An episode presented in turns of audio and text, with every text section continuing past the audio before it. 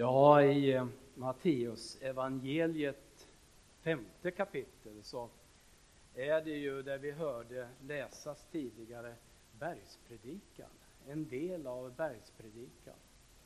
Och lite så är det ju i trefaldighetstiden att eh, det är en tid för undervisning, för lärande och för ett sätt att hitta oss själva som människor på ett bättre sätt. I den här bergspredikan så kan det vara svårt att göra en predikan på den. Så jag får väl försöka hitta ord att beskriva vad jag tror att faktiskt Jesus menade som vi människor kan översätta till hur det kan vara idag. Och det gör jag genom att jag, när jag började på Pedagogiska institut, institut, institutionen i Stockholms universitet så sa vår professor så här. Det vi gör är ofta väldigt bra. Och många gånger får vi applåder för det. Men det räcker inte. Och då tänkte jag så här, vad, vad menar han? Det räcker inte. Och det är lite också så som, som Jesus säger så här, att eh, det räcker inte med att bara kalla sig kristen. Det räcker inte med att bara gå och lägga offer, att ha böner och ha gudstjänster. Det räcker inte. Det måste till mer. Men det är inte prestationen som det handlar om, utan det handlar om den du är, den människa du är. Och eh, vi behöver ju inte förtjäna nåden.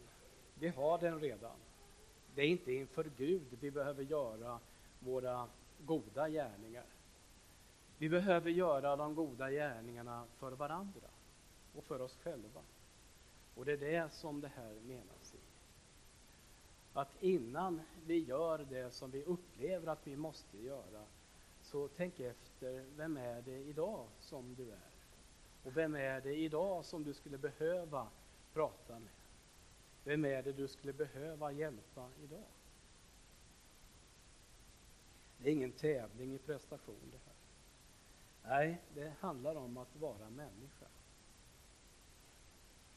Varje dag göra sitt bästa för omsorgen av min, av min nästa och mig själv. Att varje dag tänka på hur ska jag kunna använda min omsorg till det allra bästa? Och det är lite grann som den här professorn då sa, det räcker inte.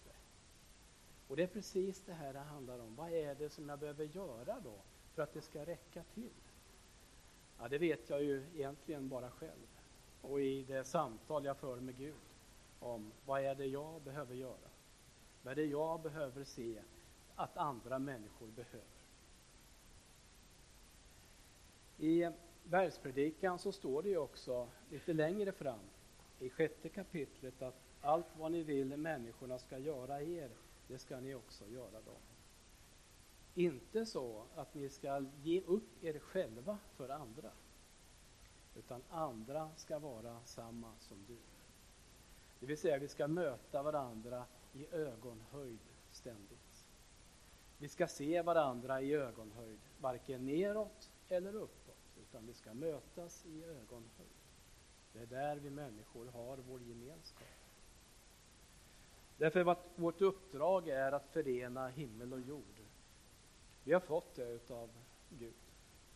Människan har som uppgift att förena jorden och skapelsen och himmelriket. Och däremellan ska vi verka.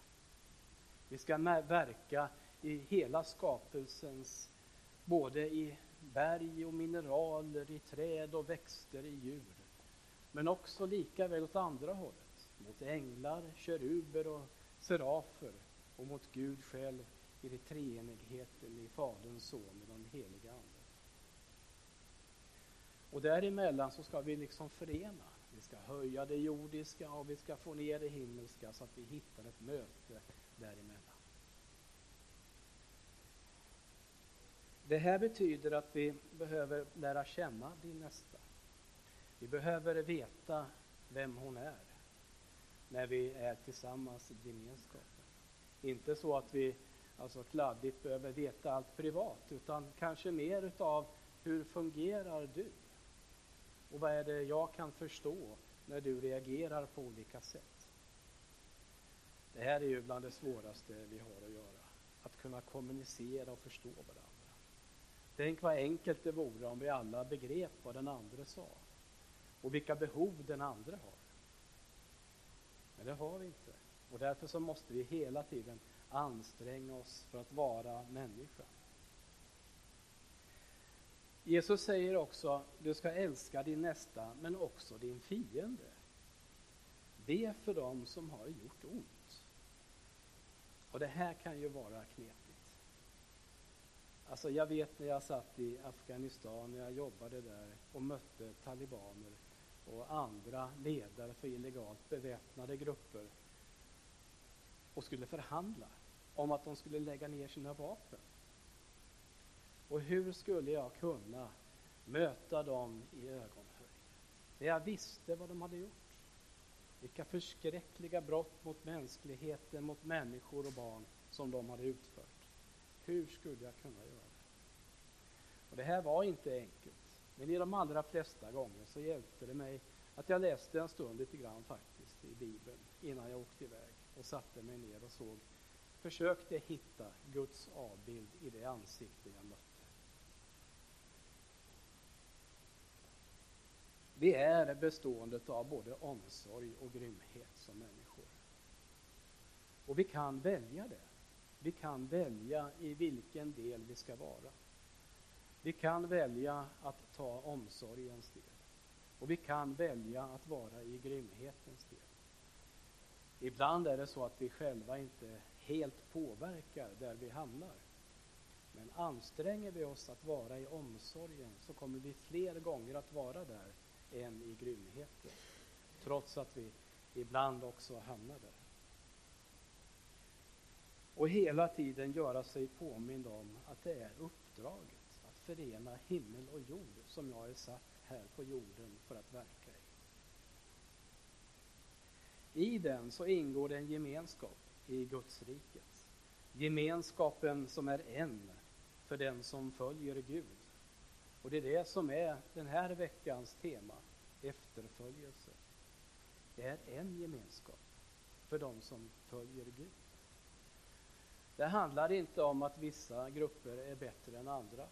Det handlar inte om att andra gör mer rätt än andra, utan det handlar om att vi är i en gemenskap. Vi har ju hamnat i situationer som jag kan tycka i den uppbyggnad av kyrkan i världen där vi har delat in oss i olika grupper som säger vi gör mer rätt än ni. Ni tolkar mer fel än vad vi gör. Vi har rätt i det vi gör. Och det är inte där som Gud vill att vi ska vara. Utan Gud vill att vi ska vara i samma gemenskap, i en kyrka. Det är inte prestationen som räknas och mäts, utan det är den du är. Alltså bara det du gör, inte bara det du gör, utan den du är. Och det är det som är dagens huvudsakliga budskap i bergspredikan som Jesus säger. Först människa, sedan